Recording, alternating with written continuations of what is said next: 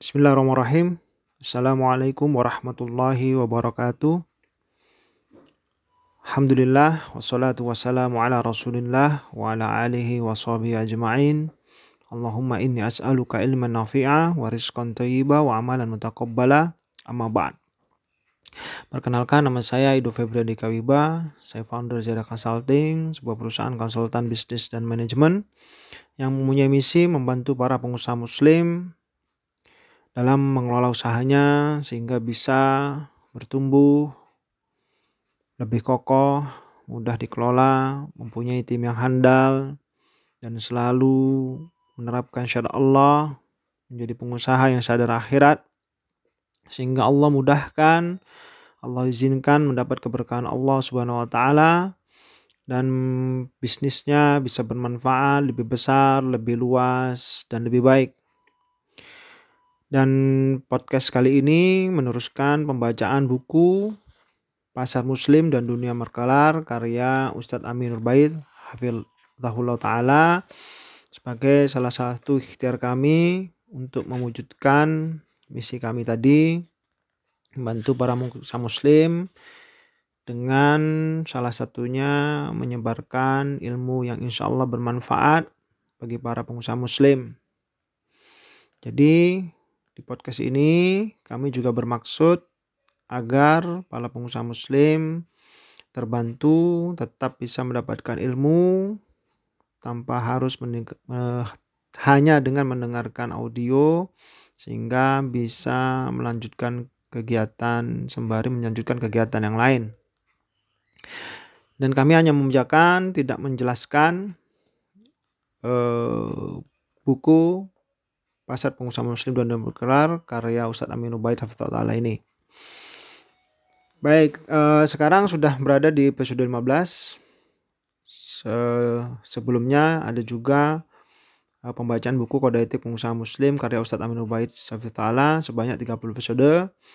Untuk pasar muslim dan dunia maklar ini sudah sampai episode 15 kali ini. Dan Alhamdulillah Ustadz Amin Ubaid Hafizullah juga telah melakukan bedah buku. Ya, kalau beliau sembari menjelaskan, masya Allah, kalau saya hanya membacakan saja, membantu para pengusaha muslim tidak harus membaca tapi hanya mendengarkan bisa sudah seperti membaca. Alhamdulillah eh, kalau Ustadz Amin Ubaid di AMB channel bisa dilihat setiap Ba'da subuh jam 5 seperempat sampai setengah 7 diadakan bedah buku ini. Semoga lebih bermanfaat Eh, karena Ustadz Ami Nurbaid Hafizullah jelas menjelaskan dan mensyarahkan buku karya beliau ini. Jadi silahkan teman-teman menyimak di NB Channel jam 5 seperempat sampai 6.30. Sekarang sudah pertemuan insya Allah ke-12 kalau nggak salah. Baik, saya lanjutkan membacanya. Sekarang kita sampai ke subbab 10 adab ketika di pasar. Bismillah wassalatu wassalamu ala rasulillah wa ba'du. Perhiasan seorang muslim adalah adab yang dia jalankan di mana pun dia berada, sehingga yang diperhatikan bukan sebatas masalah mubah, namun juga yang lebih meningkatkan derajat dan wibawanya. Dengan adab, seorang mukmin akan terlihat semakin indah. Di antara adab yang penting untuk diperhatikan adalah adab ketika di pasar. Berikut di antaranya. Yang pertama, dianjurkan membaca doa ketika masuk pasar. Teks doa masuk pasar telah dibahas di bab sebelumnya. Yang kedua, jangan hobi ke pasar. Seorang muslim hendaknya tidak ke pasar kecuali karena butuh. Karena pasar adalah tempat yang paling dibenci Allah. Nabi wasallam bersabda, tempat yang paling dibenci Allah adalah tempat yang paling dicintai Allah adalah masjid. Dan tempat yang paling dibenci Allah adalah pasar. Hadis riwayat Muslim 1560 dan Ibnu Hibban 1600. Karena pasar adalah tempat menipu, berbohong, sumpah palsu, transaksi riba, berpaling dari zikrullah dan seterusnya. Kitab Sarah Sahih Muslim An-Nawawi 5 garis miring 171. Karena alasan inilah para ulama menghindari pasar kecuali karena sangat butuh atau dalam rangka menyebarkan kebaikan. Karena pasar merupakan tempat setan memasang jebakan dan medan iblis menyebarkan pasukan.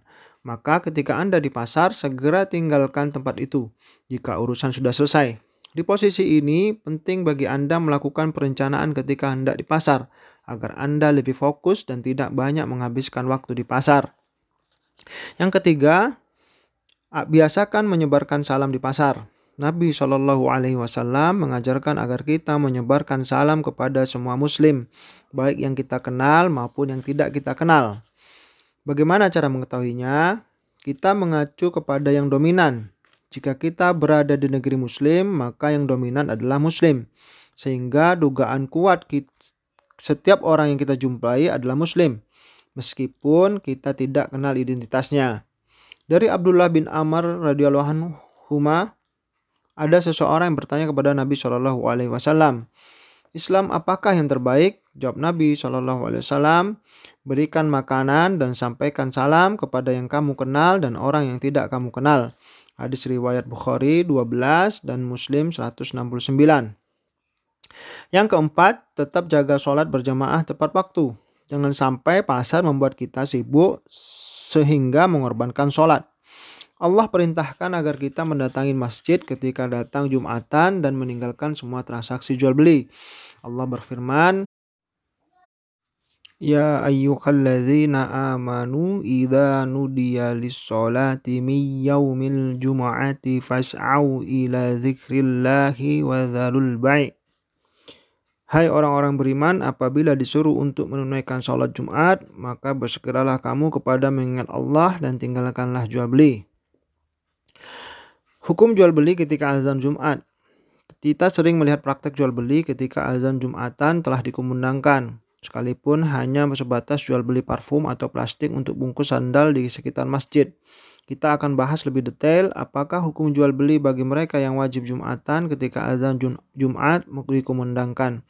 Sesuatu nilai di sesuatu dinilai sah ketika dia menemui menemu, memenuhi rukun, syarat dan tidak ada mawani dalam kurung penghalang keabsahan.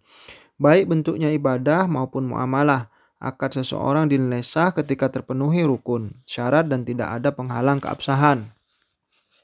Di antara penghalang keabsahan transaksi jual beli adalah akad adanya azan Jumat ketika khotib sudah naik mimbar. Karena ketika azan Jumatan telah dikumandangkan Allah melarang hambanya untuk melakukan aktivitas jual beli. Allah berfirman, Ya ayyuhalladzina amanu idza nudiya lis-salati min yaumil jum'ati fas'au ila dzikrillahi wa dzarul bai' Hai orang-orang yang beriman, apabila disuruh untuk menunaikan sholat Jumat, maka bersegeralah karena bersegeralah kamu kepada mengingat Allah dan tinggalkanlah jual beli. Quran Surat Al-Jumu'ah ayat 9. Larangan ini berlaku ketika azan Jumatan setelah khotib naik mimbar. Sementara untuk masjid yang azannya dua kali, larangan ini tidak berlaku untuk azan sebelum khotib naik mimbar.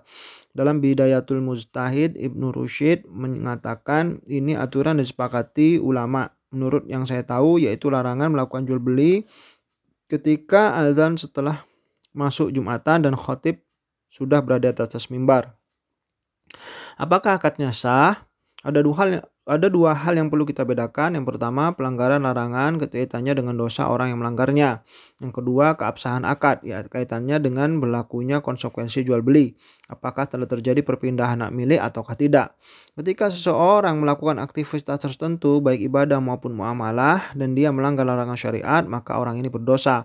Apakah aktivitas yang dia lakukan menjadi batal? Jawabannya belum tentu. Ada orang melakukan pelanggaran ketika ibadah dan ibadahnya tetap sah.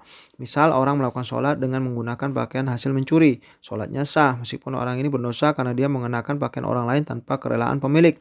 Padahal yang seharusnya dilakukan adalah segera mengembalikannya.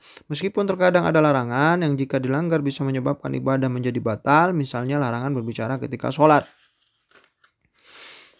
Ketika ini dilanggar maka menyebabkan sholat yang dikerjakan menjadi batal. Para ulama membahas masalah ini dalam kajian usul fikih di bab kaidah.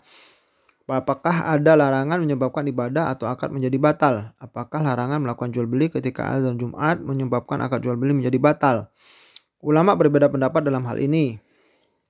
Yang pertama, jual belinya tetap sah dan tidak batal. Ini merupakan pendapat Hanafiyah dan Syafi'iyah. Mereka beralasan bahwa larangan melakukan jual beli ketika azan Jumat tujuannya adalah agar orang bisa serius menghadiri Jumatan. Sungguh tidak disibukkan dengan kepentingan duniawi lainnya.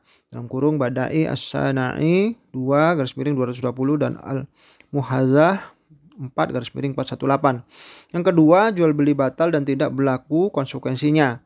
Ini merupakan pendapat Malikiyah dan Hambali. Mereka beralasan dengan ayat di atas di mana Allah melarang jual beli ketika azan telah dikumandangkan. Dan larangan ini kembali kepada zat jual beli, sehingga ketika seseorang melanggarnya dia berdosa dan jual belinya dan jual belinya statusnya terlarang. Dalam kurung Al-Mudawanah 1 garis miring 280 dan Kasyafa Kasyaful Kauna 4 garis miring 1428. Ibnu Rushid mengatakan mereka berbeda pendapat tentang hukum jual beli yang sudah terjadi yang dilakukan saat azan Jumat apakah jual belinya batal atau tidak batal. Pendapat yang masyur menurut Malik jual belinya batal. Ada juga yang mengatakan jual belinya tidak batal. Dan ini pendapat Imam Syafi'i dan Abu Hanifah. Dalam kurung Bidayatul Mujtahid 2 garis miring 169. Terlepas dari perbedaan di atas, Allah melarang orang yang wajib Jumatan untuk jual beli ketika azan Jumat telah dikumandangkan. Menjauhi larangan ini adalah kewajiban. Waspada bagi Anda yang wajib Jumatan, beli BBM ketika sudah masuk waktu Jumatan, beli makanan, minuman, atau masih antri di kasir swalayan, dan beberapa transaksi kecil yang sering dilanggar kaum muslimin ketika Jumatan. Demikian, walau alam. Semoga bermanfaat. Kita lanjut di episode 16, adab yang kelima dan sampai ke 10.